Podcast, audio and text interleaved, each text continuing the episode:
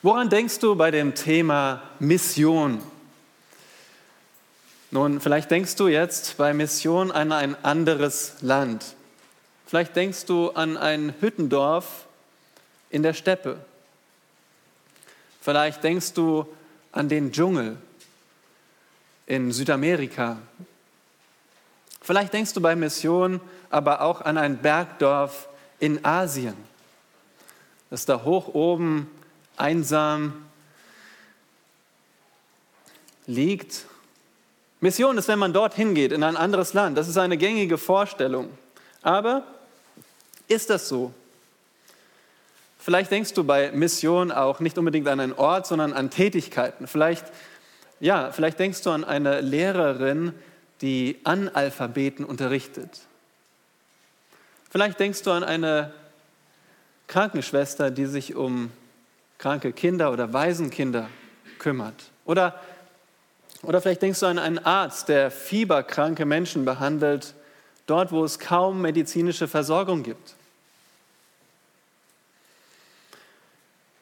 Und dann ist da noch die Frage, wie genau kommt man denn in die Mission? Bei mir war das so, ich war 19 Jahre alt, wollte meinen Zivildienst machen und so bewarb ich mich bei einer Missionsgesellschaft und kam für zehn Monate nach Asien. Ist das so? Geht das so einfach? Man hat die Idee, man sucht sich eine Missionsgesellschaft und ab in die Mission. Ist das der Weg? Und wir haben die Fragen, was ist Mission? Wo geschieht Mission? Wer ist ein Missionar? Und wie wird man ein Missionar? Und das sind sehr wichtige Fragen, wenn wir uns bewusst machen, was eigentlich Mission bedeutet. Wisst was das Wort Mission bedeutet? Mission bedeutet einfach Auftrag. Also Mission ist Auftrag. Und ein Missionar ist einer, der einen Auftrag ausführt. Und wenn wir uns jetzt bewusst machen, um welche Mission es geht, nämlich um die Mission der Gemeinde Jesu, wie wichtig ist das denn, zu wissen, was ist der Auftrag der Gemeinde Jesu?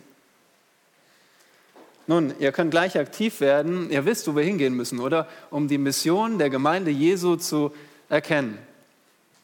Und da gehen wir einmal zu Matthäus Kapitel 28 und, und erinnern uns an die Worte, die letzten Worte in diesem Evangelium. Matthäus 28 in Vers 18, wo der Herr Jesus diesen Missionsbefehl gibt, wie, nennen, wie wir ihn nennen, wo Jesus zu seinen Jüngern herzutritt und mit ihnen redet und spricht. Mir ist gegeben alle Macht im Himmel und auf Erden. So geht nun hin und macht zu Jüngern alle Völker und tauft sie auf den Namen des Vaters und des Sohnes und des Heiligen Geistes und lehrt sie alles halten, was ich euch befohlen habe. Und siehe, ich bin bei euch alle Tage bis an das Ende der Weltzeit. Amen. Aber wir haben nicht nur diese Worte, sondern wir haben auch die so prägnanten Worte in Apostelgeschichte Kapitel 1, Apostelgeschichte 1. Da sind wir auch schon gleich in dem Buch, was wir behandeln. Apostelgeschichte 1, Vers 8. Um des Zusammenhangs willen ab Vers 7, wo Jesus zu den Jüngern spricht, auch nach seiner Auferstehung. Er spricht, es ist nicht eure Sache, die Zeiten oder Zeitpunkte zu kennen, die der Vater in seiner eigenen Vollmacht festgesetzt hat, sondern, und jetzt kommt der Auftrag, Ihr werdet Kraft empfangen, wenn der Heilige Geist auf euch gekommen ist, und ihr werdet meine Zeugen sein in Jerusalem und in ganz Judäa und Samaria und bis an das Ende der Erde. Also hier haben wir ganz klar, was der Auftrag der Gemeinde Jesu ist, der Jünger Jesu. Das ist auch unsere Bezeichnung. Zum einen Jünger Jesu machen und den Herrn Jesus bezeugen, überall. So einfach. Das ist der Auftrag der Gemeinde. Das ist die Mission. Und die Frage gilt uns heute Nachmittag, sind wir auf Kurs? Nun, in der Schifffahrt gibt es eine klassische Hilfe für das Navigieren und das sind die Bojen. Ja, Bojen sind diese farbigen Tonnen, die auf dem Wasser schwimmen, die meistens im Boden oder hoffentlich im Boden verankert sind und dann ein Signal geben, wo es lang geht oder wo man besser nicht lang soll. Und solche Bojen finden wir auch in unserem Predigttext, nämlich in dem Bericht der ersten Missionsreise. Und aus dem gesamten Kapitel lernen wir vier Bojen für die Gemeinde Jesu, damit ihre Mission auf Kurs bleibt.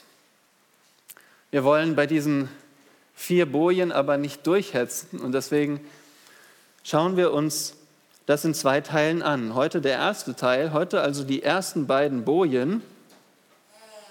Und dabei klären wir die grundlegende Frage, wessen Mission ist es eigentlich? Wer ist denn der, der den Auftrag bestimmt? Das schon mal grundlegend. Wer bestimmt den Auftrag? Und dabei werden wir sehen, dass dieser Gott uns Leitung gibt, aber dass wir in der Mission auch unbedingt Gottes Stärke brauchen, weil es einen Kampf bedeutet. Wir sind also zurück in der Apostelgeschichte und vielleicht wart ihr letztes Mal nicht da, deswegen wiederhole ich nochmal für uns alle auch, was, wir, was das Wichtigste war über die Apostelgeschichte. Ihr dürft antworten, wer hat die Apostelgeschichte geschrieben? Das war Lukas, genau. Das ist der zweite Teil von diesem zweibändigen Werk. Erst Lukas Evangelium, dann die Apostelgeschichte. Und worum geht es in der Apostelgeschichte? Auch das könnt ihr beantworten von dem Vers 8, den wir gelesen haben, Kapitel 1. Nämlich es geht darum, wie Jesus weiter wirkt in der Welt durch seine Zeugen. Der Herr Jesus ist jetzt nicht aus der Welt im Sinne von, dass er gar nichts mehr mit dieser Welt zu tun hat. Er wirkt weiter, aber durch seine Zeugen. Und so hat er seine Zeugen beauftragt in Kapitel 1. In Kapitel 2 hat er sie dann ausgerüstet mit dem Heiligen Geist. Und dann begann der Konflikt. Ja, wir sehen sofort, als die Gemeinde entstanden ist, gerade geboren, schon verfolgt. Schon gibt es Konflikte. Die Apostel werden verfolgt. Es gibt interne Konflikte in der Gemeinde, Kapitel 6, die überwunden werden müssen. Und dann aber auch eine Verfolgung gegen die ganze Gemeinde.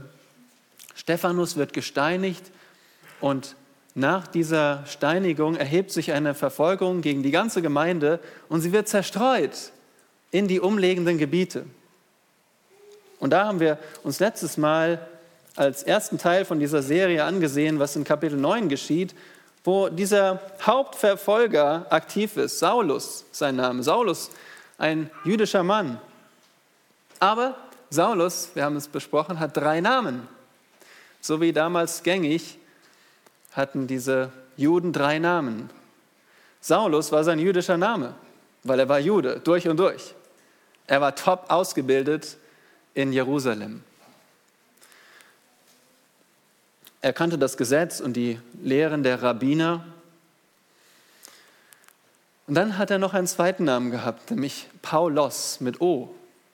Paulos mit O ist griechisch, weil er auch griechisch konnte. Er stammte ja aus einer Stadt, wo es nicht nur Juden gab, sondern auch Griechen. Das war ein Bildungszentrum. Aus welcher Stadt kommt, kommt dieser Paulos? Tarsus in Silizien. Und so hatte er diese griechische Bildung. Und dann hat er noch einen dritten Namen, nämlich Paulus. Und das ist lateinisch. Und das steht dafür, dass er auch Römer war. Ja, dieser Paulus, der war sogar Römer mit römischem Bürgerrecht. Und das ist was ganz Besonderes, weil normalerweise musste man sich das erkaufen. Aber Paulus, der nicht in Rom geboren war, der hatte das von Geburt an geerbt. Wie gut ist das denn? Und so war er darin geboren und beaufsichtigte hier die Steinigung des Stephanus und stiftete eine Verfolgung an und verfolgt jetzt die Christen, wo sie hingehen. Also sie zerstreuten sich in die Gebiete und der Paulus ging hinterher. Dem war also nicht nur genug, einfach die Christen, damals hießen sie noch nicht so, aus Judäa zu vertreiben. Nein, der hat sie verfolgt, weil er wollte den Namen Jesu ausrotten. So hat er geeifert dagegen. Und dann geschieht es, was wir gelesen haben. Auf dem Weg nach Damaskus erscheint Jesus ihm. Er sieht Jesus und er erkennt sofort, das ist hier Gott, mit dem ich gegenüberstehe. Und so sieht er den Sohn Gottes. Und das verändert ihn grundlegend. Er war vorher geistlich blind und jetzt sieht er, wer Jesus ist. Und nicht nur das, sondern er wird selbst erst einmal körperlich blind. Und damit erfährt er am eigenen Leib, ihr wisst es noch vom letzten Mal, er erfährt am eigenen Leib, wie geistlich blind er war. Jetzt erlebt er Blindheit und das ist für ihn eine, sind drei schwere Tage zu erkennen, wie Blindheit ist. Ich habe es selbst noch nie erlebt.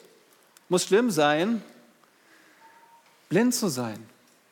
Paulus war blind und jetzt erlebt er am eigenen Leib, wie es ist, blind zu sein und wie schlimm geistliche Blindheit sein muss, so wie sein Volk. Aber dann beruft der Herr den Ananias und so wird seine Blindheit wieder weggenommen. Aber nicht nur das, sondern der Ananias, der bekommt auch von dem Herrn enthüllt, was der Saulus für eine besondere Aufgabe haben wird. Der ist nämlich das eine auserwählte Werkzeug, was der Herr erwählt hat, um seine Botschaft vor Könige und vor die Heiden zu bringen. Das heißt, der ganze Plan Gottes hängt jetzt an einem Mann, nämlich an Saulus, der auch Paulus heißt. Das ist wirklich ähm, einfach so beeindruckend.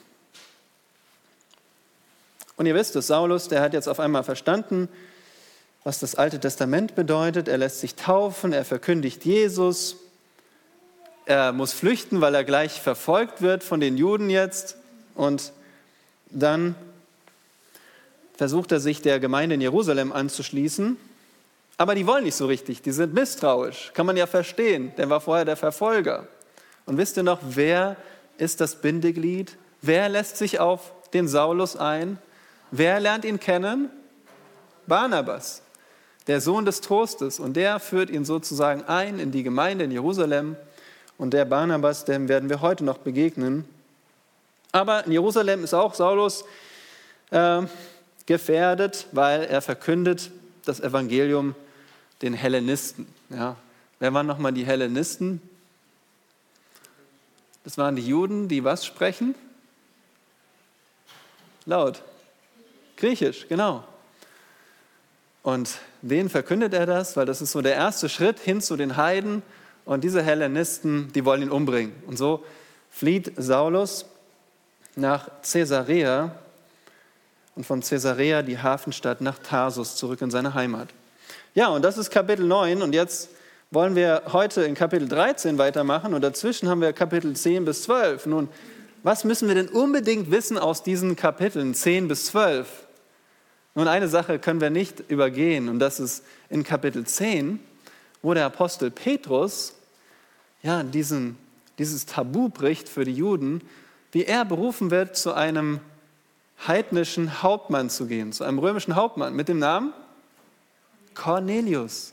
Genau, und der fürchtete Gott, aber dem fehlte das Evangelium und Petrus verkündigt ihm das Evangelium und Cornelius glaubt und auch seine Freunde.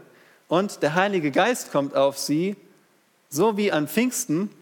Und jetzt wird für die Jerusalemer Gemeinde klar, dass Gott die Heiden genauso rettet wie auch die Juden. Ganz wichtig für uns. Und dann sehen wir noch in Kapitel 11, von wo das die Mission unter den Heiden so wirklich starten sollte. Das war nämlich gar nicht mal Jerusalem. Jerusalem war gar nicht mal so die Zentrale der Mission, sondern eine andere Stadt mit, mit dem A am Anfang. Antiochia. Nun, Antiochia, das war die drittgrößte Stadt im Römischen Reich. Denkt man gar nicht, oder? Und zwar ist das Antiochia in Es ist genau an der Grenze zu Syrien, also es liegt in der Türkei, aber ist so dort nahe bei Syrien. Ja? Wir schauen uns gleich noch auf der Karte an. Und zwar ist es Antiochia, bekannt nach dem Fluss, wo es liegt, Antiochia am Orontes.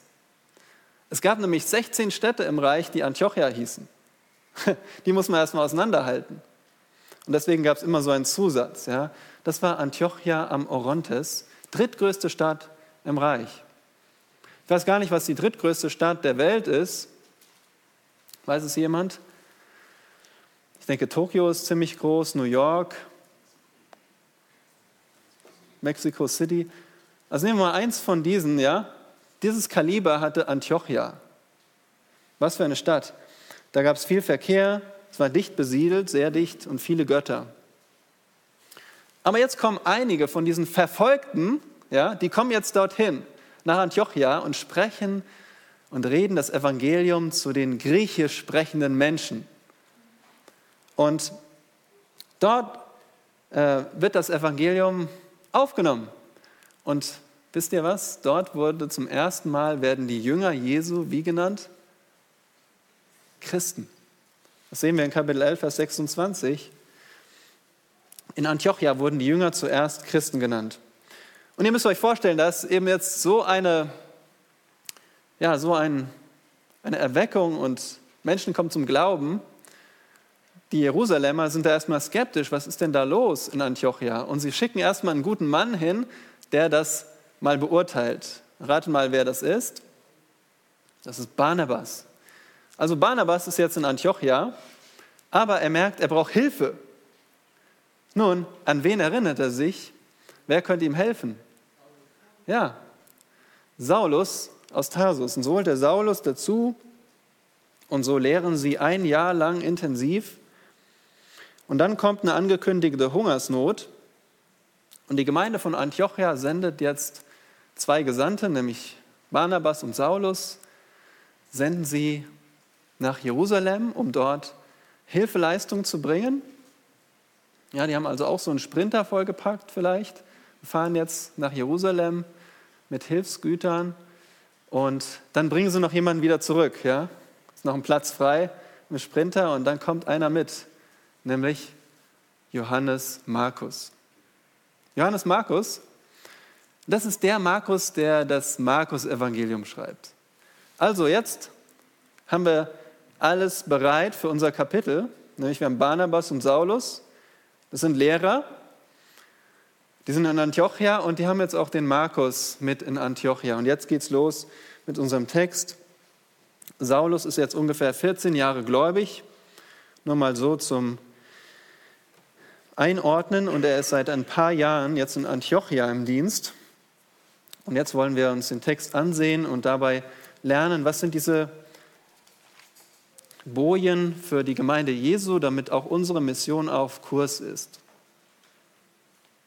Was ist die erste Boje für den richtigen Kurs? Nun, es ist die Unterordnung unter den Heiligen Geist. Die Unterordnung unter den Heiligen Geist. Schauen wir in den Versen 1 bis 4. Und in Antiochia waren in der dortigen Gemeinde einige Propheten und Lehrer, nämlich Barnabas und Simeon, genannt Niger, und Lucius von Kyrene und Manahen, der mit dem Vierfürsten Herodes erzogen worden war, und Saulus. Als sie nun dem Herrn dienten und fasteten, sprach der Heilige Geist, sondert mir Barnabas und Saulus aus zu dem Werk, zu dem ich sie berufen habe. Da fasteten und beteten sie, legten ihnen die Hände auf und ließen sie ziehen. Diese nun, ausgesandt vom Heiligen Geist, zogen hinab nach Seleucia und fuhren von dort mit dem Schiff nach Zypern. Wir sehen hier bahnbrechendes Beginn, die erste Missionsreise. Aber interessant, wer diese erste Missionsreise anstößt, sind gar nicht hier die Christen, die da auf die Idee kommen, okay, wir müssen jetzt mal was machen. Wir müssen jetzt noch aktiver werden. Nein, Gott, der Heilige Geist, gibt die Initiative und daraus lernen wir, in Gottes Mission müssen wir uns ganz dem Heiligen Geist unterordnen. Habt ihr mitgezählt, wie viele Männer leiten denn die Gemeinde in Antiochia? Es sind? Wie viele sind es? Fünf, genau. Fünf Männer. Ganz am Anfang sehen wir Barnabas, dann kommen noch drei weitere und dann Saulus. Und die werden alle genannt als Propheten und Lehrer. Das heißt, sie kannten zum einen das geschriebene Wort Gottes, die kannten das und wussten, wie man es richtig auslegt und anwendet. Aber zusätzlich haben sie damals auch direkte Offenbarung von Gott empfangen und weitergegeben. Und sie waren begabt, alles das der Gemeinde verständlich und genau zu erklären. Das macht ein Lehrer. Und jetzt sehen wir, sie sind fleißig am, am Lehren, am Predigen und vor allem am Beten. Denn in Vers 2 heißt es, sie fasteten. Und ihr wisst, Christen fasten nicht einfach so, weil Fastenmonat ist, sondern sie fasten, weil sie sich auf Gott konzentrieren, weil sie beten. Damit waren sie beschäftigt. Die waren nicht am Schreibtisch und überlegten, okay, was ist jetzt unsere Strategie, wo müssen wir hin und Strategie her und hin. Nein, die waren einfach fleißig dabei, dem Herrn zu dienen in der Gemeinde. Und dann passiert was, nämlich der Heilige Geist spricht und er gibt den Startschuss für die erste Missionsreise. Nun, wie sprach denn der Heilige Geist? Vielleicht sprach der Heilige Geist wirklich hörbar, denn zu der Zeit der Apostel war das nicht ausgeschlossen, passierte das. Eine andere naheliegende Möglichkeit ist, dass der Heilige Geist durch wen sprach? Durch einen von diesen Propheten.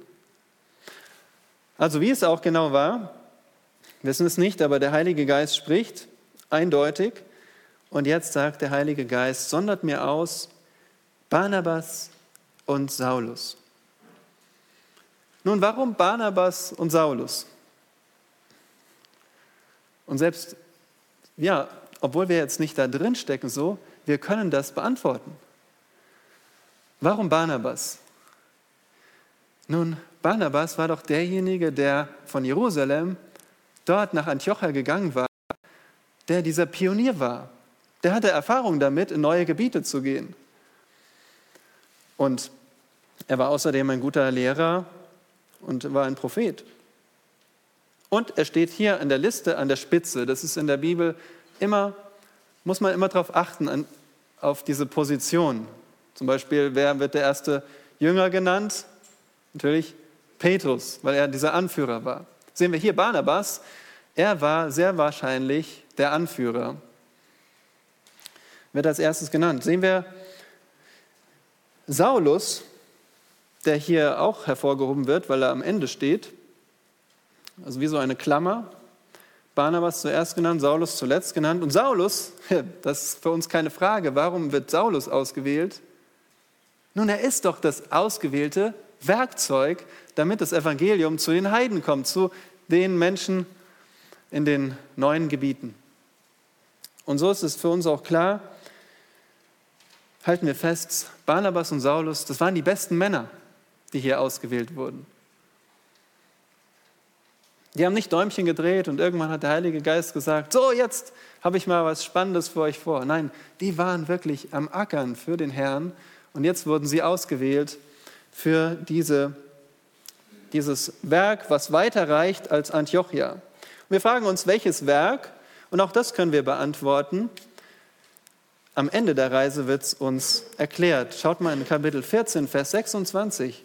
14, 26 wo wir von dem Werk lesen, von dort segelten sie nach Antiochia, von wo aus sie der Gnade Gottes übergeben worden waren, zu dem Werk, das sie nun vollbracht hatten. Also hier ist der Haken dran, hier haben sie es vollbracht. Aber was denn nun? Vers 27.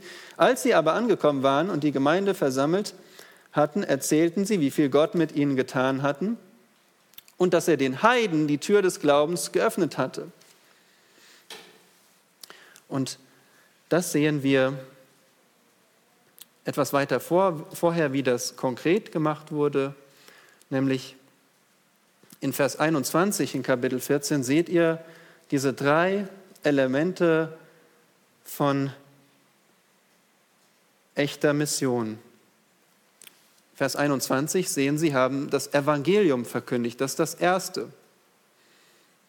In Vers 22 sehen wir, sie stärkten die Seelen der Jünger. Also sie haben nicht nur das Evangelium verkündigt, sondern die Gläubigen gestärkt, weitergeführt. Und dann in Vers 23 sehen wir den dritt, das dritte Standbein, nachdem sie ihn aber in jeder Gemeinde Älteste bestimmt hatten. Das ist so das Werk zusammengefasst. Evangelium verkündigt, Jünger gemacht und dann Älteste eingesetzt.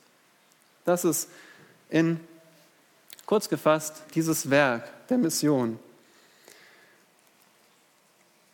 Und wir lernen an diesem Punkt ganz wichtig, nur wenn der Heilige Geist es antreibt, ist es wirklich Gottes Mission.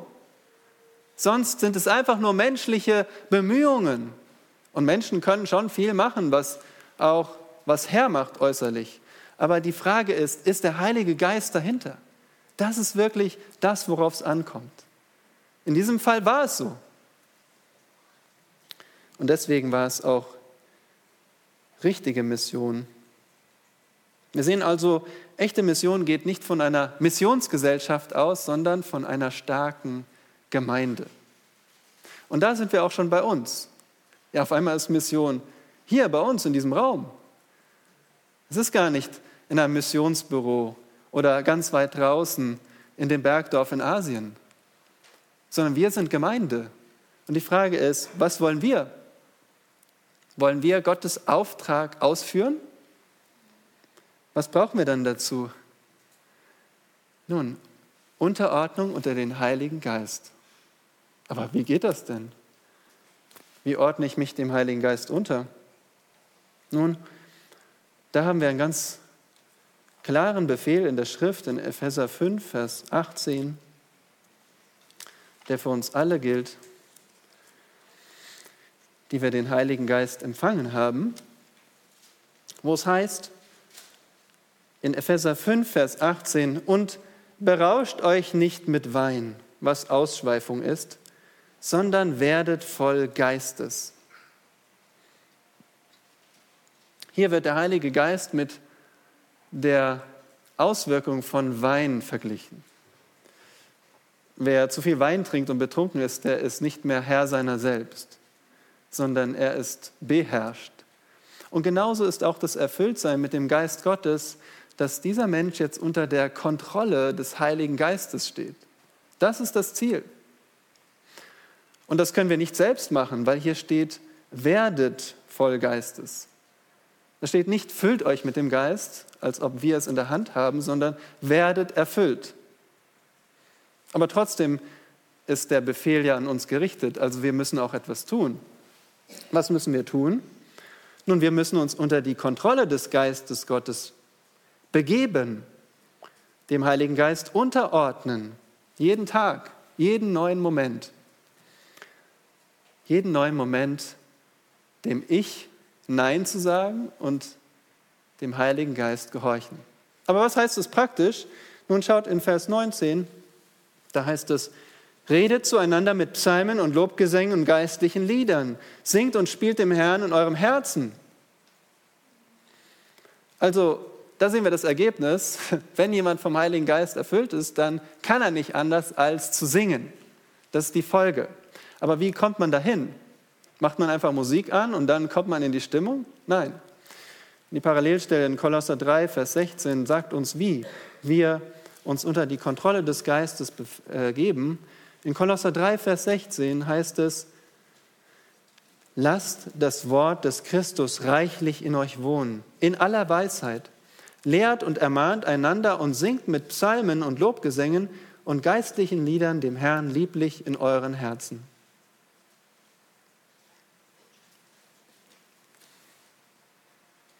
Das habt ihr bestimmt schon mal gehört. Das ist parallel zueinander. Vom Geist erfüllt zu sein bedeutet, von dem Wort Gottes erfüllt zu sein. So sehr, dass ich anfange, den Herrn zu loben und zu singen. So sehr, dass ich, wie es in Vers 17 heißt, alles, was ich tue, in Wort oder Werk, alles im Namen des Herrn Jesus tue und Gott danke. Das ist die Wirkung von dem Heiligen Geist in dir. Und das ist auch das Gebot an dich und mich, dass wir uns mit dem Heiligen Geist füllen. Und das ist wunderbar. Oder der Heilige Geist spricht heute noch. Wir brauchen das gar nicht zu beneiden, dass der Heilige Geist dort sprach, weil er spricht heute genauso durch das geschriebene Wort, das wir vor uns haben. Und damit müssen wir uns füllen. Darauf müssen wir hören. Und was immer wir erkennen, oh, das, das muss sich umsetzen. Schreib es dir auf und handle danach. Mach es ganz fest, so wie damals die Gemeinde, die diesen klares Gebot bekommen haben, dass Barnabas und Saulus auf Reisen gehen sollten.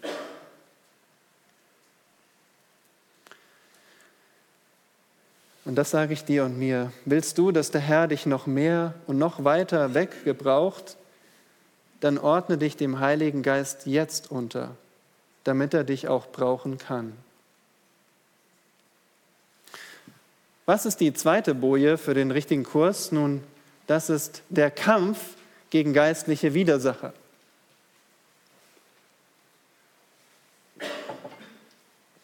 Der Kampf gegen geistliche Widersacher in Versen 5 bis 12. Ich lese uns den Text.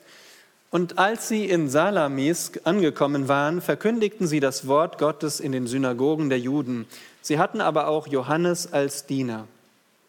Und als sie die Insel bis nach Paphos durchzogen hatten, trafen sie einen Zauberer und falschen Propheten an, einen Juden namens Bar Jesus, der sich bei dem Statthalter Sergius Paulus aufhielt, einem verständigen Mann. Dieser ließ Barnabas und Saulus holen und wünschte, das Wort Gottes zu hören. Doch Elimas, der Zauberer, denn so wird sein Name übersetzt, leistete ihnen Widerstand und suchte den Statthalter vom Glauben abzuhalten. Saulus aber, der auch Paulus heißt, voll Heiligen Geistes, blickt ihn fest an und sprach, O du Sohn des Teufels, voll von aller List und aller Bosheit, du Feind aller Gerechtigkeit, wirst du nicht aufhören, die geraden Wege des Herrn zu verkehren? Und nun siehe, die Hand des Herrn kommt über dich und du wirst eine Zeit lang blind sein und die Sonne nicht sehen. Augenblicklich aber fiel Dunkelheit und Finsternis auf ihn und er tappte umher und suchte Leute, die ihn führen könnten. Als nun der Statthalter sah, was geschehen war, wurde er gläubig, betroffen von der Lehre des Herrn. Hier sehen wir, Mission macht nicht zu bejubelten Helden. Mission bedeutet geistlicher Kampf. Da werden die Feinde auf den Plan gerufen. Und wer Gott, in Gottes Mission darf man nur geistliche Waffen anwenden, so wie Barnabas und Paulus es hier vormachen. Schauen wir uns erst einmal an, dass wir uns orientieren können in dieser Gegend. In dem nächsten Bild sehen wir eine Übersicht von dem Mittelmeer. Der gelbe Punkt unten, das ist Jerusalem. Dort, von dort ging die Gemeinde aus. Und dann sehen wir oben rechts den Punkt, das ist Antiochia am Orontes. Das ist dort, wo jetzt diese Gemeinde war, von der aus Barnabas und Saulus ausgesandt wurden. Und sie gingen also hier zu dem blauen Punkt per Schiff, nämlich nach Zypern. Und dazu mussten sie erst einmal wandern. Zur Erklärung, der grüne Punkt, das ist dann da, wo sie nach Zypern hingehen. Das haben wir uns aufgespart für die nächste Predigt. Da wollen sie dann noch weiterhin wieder nach Kleinasien.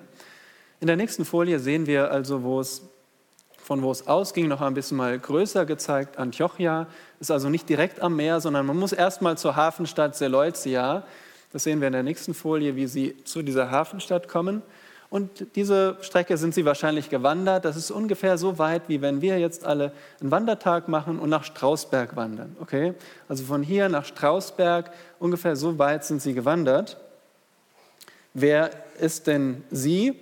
Das Team bestand eben aus Barnabas, der ist hier eindeutig der Leiter, weil er schaut mal in den Text, zuerst genannt wird. Zum Beispiel in Vers äh, 7 heißt es ja Barnabas und Saulus. Also Barnabas wird zuerst genannt. Auch in der, im Vers 2 heißt es, sondert mir Barnabas und Saulus aus, also Barnabas, der Anführer. Dann gab es Saulus, auch ein Lehrer. Und dann sehen wir hier in dem Vers 5, sehen wir, dass sie noch Johannes als Diener hatten. Das ist Johannes Markus. Also sie hatten noch einen Diener, der war vor einem Jahr aus Jerusalem mitgekommen und der hilft ihnen so praktisch. Aber der soll jetzt nicht nur der Schuhputzer sein, sondern der soll auch was lernen. Also der soll lernen von den beiden Missionaren hier. Und so nehmen sie also am Hafen von Seleucia ein Schiff nach Zypern. Und das ist die drittgrößte Insel im Mittelmeer. Wie groß ist Zypern? ungefähr, nun Zypern ist ungefähr zehnmal so groß wie Rügen. Nur, dass wir eine Vorstellung haben, also zehnmal Rügen ist Zypern. Und warum Zypern? Warum gehen Sie eigentlich nach Zypern? Nun, Zypern, wie man sieht, ist eigentlich ganz gut zu erreichen. Da gab es also nicht nur einmal im Jahr ein Schiff, gab es also häufiger eine Verbindung. Und außerdem, in Kapitel 4 sehen wir, wer aus Zypern stammt. Nämlich einer von denen, aus dem Team. Und das ist der, jetzt könnt ihr eigentlich schon über das Ausschlussverfahren herausfinden, wer stammt aus Zypern? Saulus ist ja, Saulus ist ja aus Tarsus. Johannes Markus ist aus Jerusalem, also Barnabas. Barnabas kommt von Zypern und so gehen sie also in seine alte Heimat. Er ist ja auch der Anführer. Er hat gesagt, komm, lass uns nach Zypern gehen. Und so kommen sie dorthin an die bedeutendste Stadt der Insel, nämlich Salamis. Und in Salamis sehen wir in Vers 5, dass das ist so ihre Art und Weise vorzugehen. Sie gehen zu den Synagogen und verkünden das Wort Gottes. Dort haben sie, wissen sie, dort versammeln sich Menschen, um auf das Wort Gottes zu hören und da haben sie eine Gelegenheit, da haben sie schon eine Grundlage, und sie gehen also zu den Juden dort. Aber mehr lesen wir auch nicht. Wahrscheinlich, weil da kein nennenswertes Interesse war dort in Salamis. Und so geht es weiter. Sie ziehen jetzt auf der römischen Straße weiter nach Paphos. Im nächsten Bild sehen wir so eine topografische Karte von Zypern. Wir sehen also, warum man jetzt nicht einfach so quer durchgehen kann, weil das sind nämlich hohe Berge. Man ist also dann auf der römischen Straße weitergezogen bis ans andere Ende der Insel. Und da war die Stadt Paphos und da ist also der Regierungssitz. Da treffen sie auf den Statthalter. Und hier sehen wir, wie der Herr unsere Aufmerksamkeit auf eine Seele richtet. Eine Seele. Erst einmal treffen sie einen Juden, der heißt Bar Jesus, Sohn des Jesus. Sohn des Retters, dort in dieser Stadt Paphos. Und da habe ich noch zwei Bilder, denke ich. Zum einen nochmal die Karte, um zu zeigen, okay, sie sind jetzt in Paphos angekommen.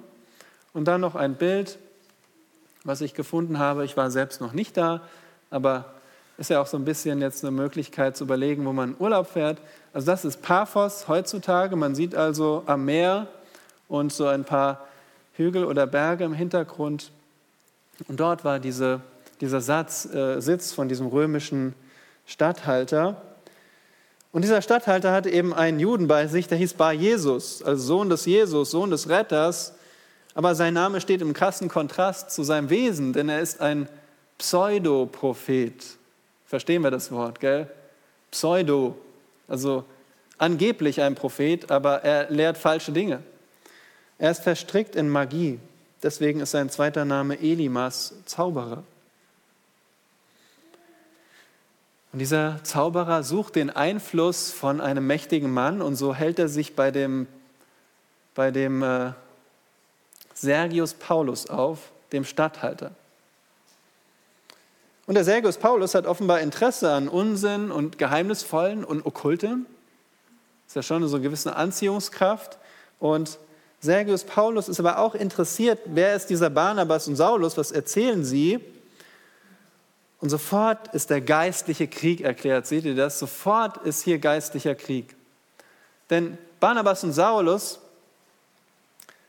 die erzählen hier das Wort Gottes, sie predigen das Wort Gottes. Und in Vers 8 sehen wir, Elimas leistete ihnen Widerstand. Er suchte den Statthalter vom Glauben abzuhalten. Vielleicht unterbricht er ihn, vielleicht redet er dagegen, vielleicht schimpft er, vielleicht lästert er diesen Jesus. All diese Waffen sind möglich, aber mit welcher geistlichen Waffe antwortet Saulus? Saulus spricht, Vers 9, voll Heiligen Geistes und er gebraucht die geistliche Waffe des Wortes. Er spricht das Wort.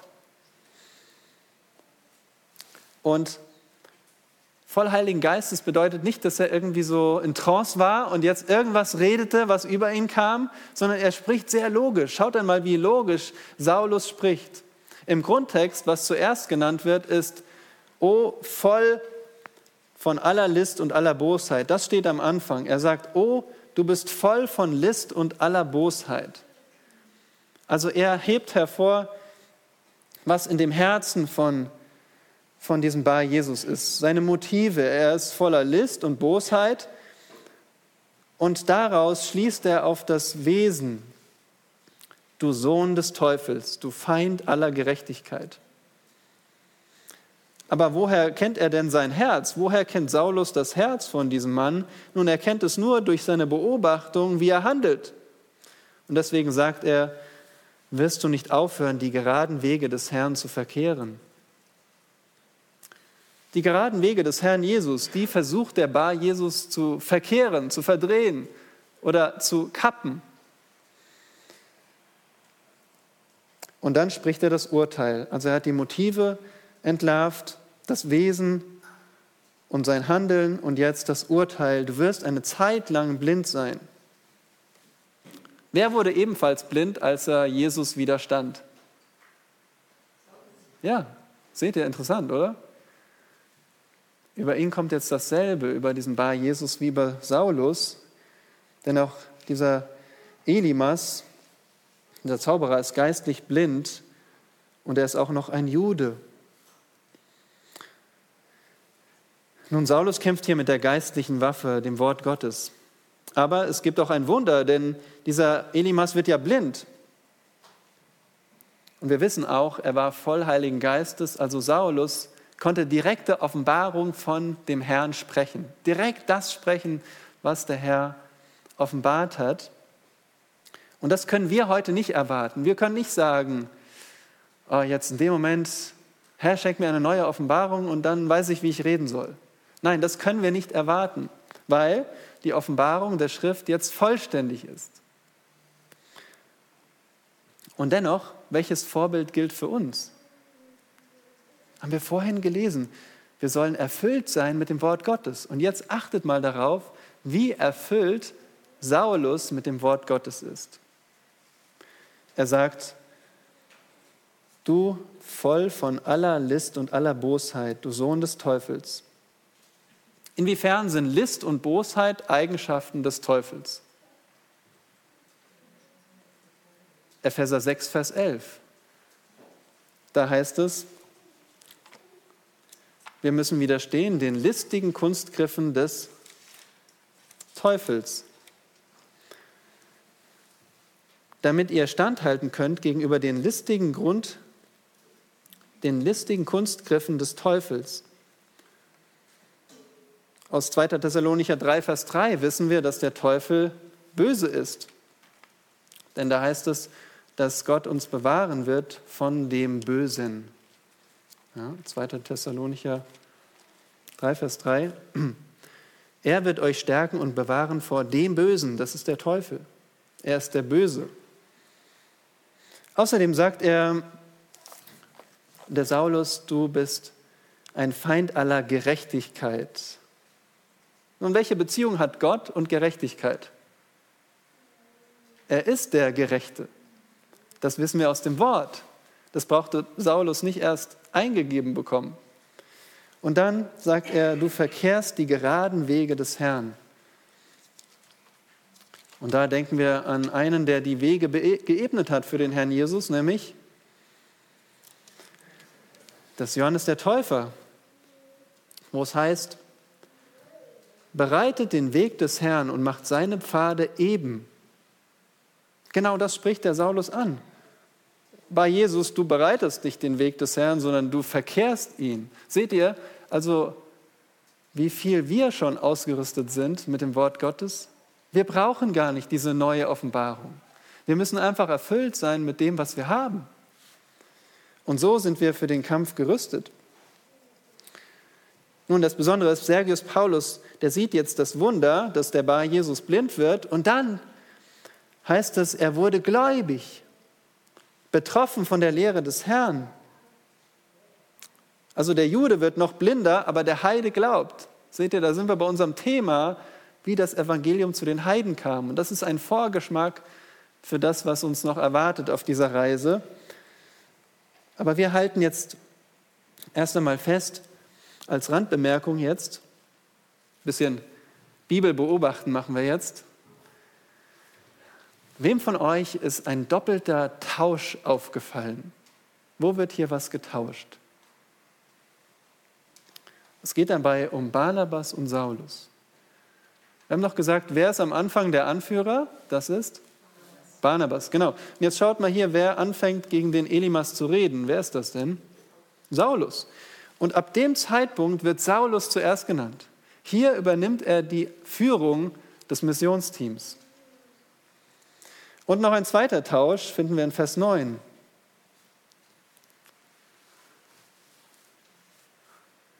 Saulus aber, der auch Paulus heißt.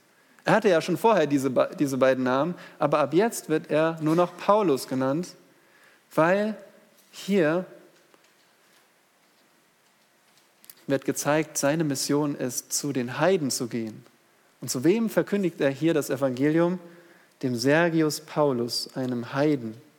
Der hatte gar nichts mit Judentum am Hut, außer dieser Pseudoprophet, der ihm anquatschte.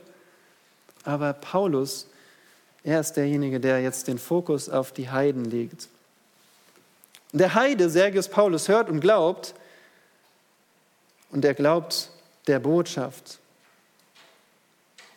Und daran sehen wir, es reicht nicht nur das Wort zu hören, sondern du musst glauben. Der Römer Sergius Paulus ist wie wir, bevor wir uns bekehrten. Bevor wir uns bekehrten, waren Fantasien, Märchen, und selbst unsere Lesefibel, die war interessanter als die Bibel. Wir dachten besser Mythologie als Theologie. Lieber Zauberei als von der Sünde frei. Wir dachten, gib mir, was Unterhaltung bringt, nicht das, was wirklich stimmt. Jede Lust mal ausprobieren, statt vor Jesus kapitulieren. Ja, so, das war das Leben von Sergius Paulus. Er wollte hier Zauberei, das war interessant, Götzendienst da. Aber wie jeder von uns musste Sergius Paulus hören, ich höre nicht auf Gott. Ich bin tot für Gott.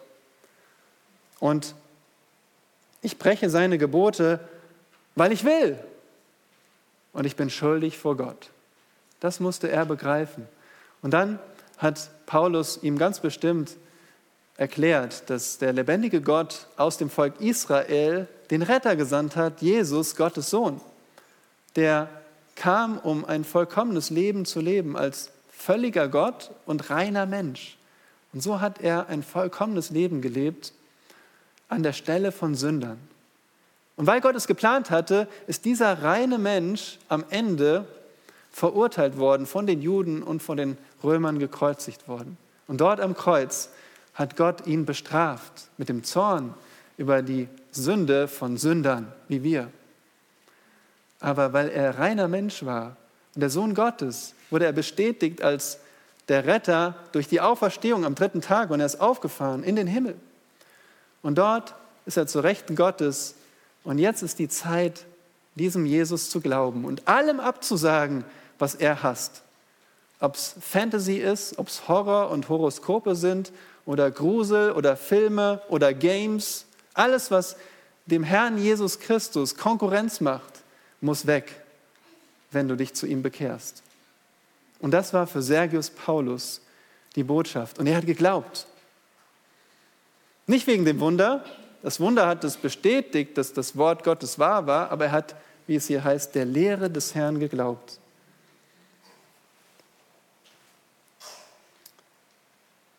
Und auch in diesem Raum sehen wir Wunder. Frag einmal deinen Nachbarn nach dem wunderbaren Zeugnis. Wie kannst du diesem Jesus glauben? Das ist ein Wunder. Jeder von euch, der glauben kann, das ist nur durch ein Wunder geschehen. Und so haben wir auch heute noch Wunder, die das Wort Gottes bestätigen. Und deswegen auch an dich die Aufforderung, heute ist der Tag, wenn du diesem Jesus nicht glaubst, dass du heute, wie Sergius Paulus, glaubst. Und wenn du gläubig bist, dann wollen wir uns am Ende noch fragen, wie kämpfe ich denn gegen geistliche Widersacher? Ja, wenn du es wagst, das Wort Gottes weiterzusagen, dann wirst du diesen Kampf erleben, genauso wie Barnabas und Paulus. Wenn du das Wort Gottes sagst, dann, dann gehst du auf Feindesland. Dann provozierst du Widerstand, dann provozierst du die Ablehnung und die Ausgrenzung und Lästerung und Spott. Aber wie kämpfen wir jetzt richtig diesen geistlichen Kampf? Und da kann ich euch nur erinnern an das, was ihr schon sehr gut wisst. Nämlich in Epheser 6, Vers 12 heißt es, es ist kein Kampf gegen Menschen. Ja, der Kampf ist nicht gegen Fleisch und Blut, sondern gegen Fürstentümer und Gewalten. Gegen die Weltbeherrscher der Finsternis, also gegen die Dämonen. Die Dämonen stehen hinter hinter diesem Widerstand gegen das Evangelium. Also es ist kein Kampf gegen Menschen und wir kämpfen auch nicht mit menschlichen Waffen, wie Paulus sagt in 2. Korinther 10, Vers 4. Denn die Waffen unseres Kampfes sind nicht fleischlich, sondern mächtig durch Gott zur Zerstörung von Festungen. Also verzichte auf menschliche Waffen, wie zum Beispiel Spott gegen Spott, Stolz gegen Stolz. Du wirst verachtet, du zeigst deine Verachtung gegenüber Ungläubigen. Du wirst beschimpft, du schimpfst zurück. Das ist eine menschliche Waffe. Weg damit. Verzichte aber auch auf diese andere Seite der menschlichen Waffen, nämlich Kompromiss. Ja, du findest diese Botschaft zu hart. Nun, ich betone nur die eine Sache und sage dir das andere nicht. Sich einschüchtern lassen von den Menschen, die sagen, das kannst du doch nicht sagen, du kannst du mir doch nicht vorschreiben, dass dein Gott der wahre Gott ist, dass Jesus der einzige Weg ist. Naja, vielleicht Gott, Gott ist ja gnädig, vielleicht wird er auch, vielleicht wird er auch einen anderen Weg akzeptieren. Aber bitte glaube doch jetzt mal Jesus, weil das ist hier mein, mein persönlicher Herr und vielleicht auch deiner. Nein, wir dürfen nicht diese menschliche Waffe gebrauchen, zu relativieren, zu rationalisieren, zu abzuschwächen oder eben nichts mehr zu sagen, abzutauchen. Vielleicht sind manche von euch abgetaucht und sagen, ich habe schon so viel Ablehnung erfahren, ist genug jetzt. Ich höre auf, ich sage nichts mehr von meinem Gott, mein Gott im Herzen, aber ich sage das nicht mehr weiter. Das ist auch eine menschliche Waffe, einfach dich selbst zu schützen aber jetzt möchte ich dich ermutigen, denn wir sind ausgerüstet für den Kampf. Uns wird gesagt, kämpfe den guten Kampf, widerstehe dem Teufel. Steht in der Bibel. Widersteht dem Teufel. Aber wie? Nun zum Abschluss zwei Maßnahmen im Kampf. Ganz simpel und doch so kraftvoll. In Epheser 6, Verse 10 bis 11. Zwei Maßnahmen Dort könnt ihr mitlesen. Im Übrigen, meine Brüder, seid stark in dem Herrn und in der Macht seiner Stärke. Das ist die erste Maßnahme. Seid stark in dem Herrn. Das bedeutet wörtlich, werdet gestärkt in dem Herrn. Also die Kraft kommt von dem Herrn, aber die kommt nicht irgendwie, wenn wir lange genug warten, sondern wir müssen gestärkt werden. Wir müssen was tun. Wir müssen nämlich vorangehen im Gehorsam. Ja, ganz praktisch, wenn du äh, überlegst, ja, ich will ja das Evangelium weiter sagen, aber ich weiß, es wird schwer, aber ich weiß, was ich sagen muss. Dann bittest du den Herrn, Herr, hilf mir jetzt, diese Gelegenheit zu ergreifen. Ich weiß, es kann nur durch deine Kraft geschehen. Amen. Und dann suchst du die Gelegenheit, sagst es und der Herr stärkt diese, diesen Moment. Die Kraft kommt von ihm. Er macht das Wort wirksam. Das ist, seid gestärkt in dem Herrn. Und dann zweite, zweite Maßnahme, zieht die ganze Waffenrüstung Gottes an.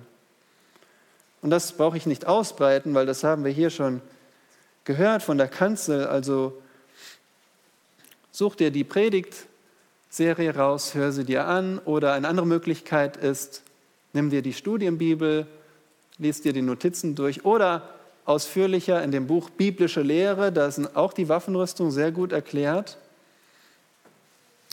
Wenn ihr nicht wisst, wo ihr es findet, könnt ihr uns fragen. Aber du musst wissen, was das bedeutet, diese Waffenrüstung anzuziehen, weil das sind die zwei Maßnahmen im Kampf.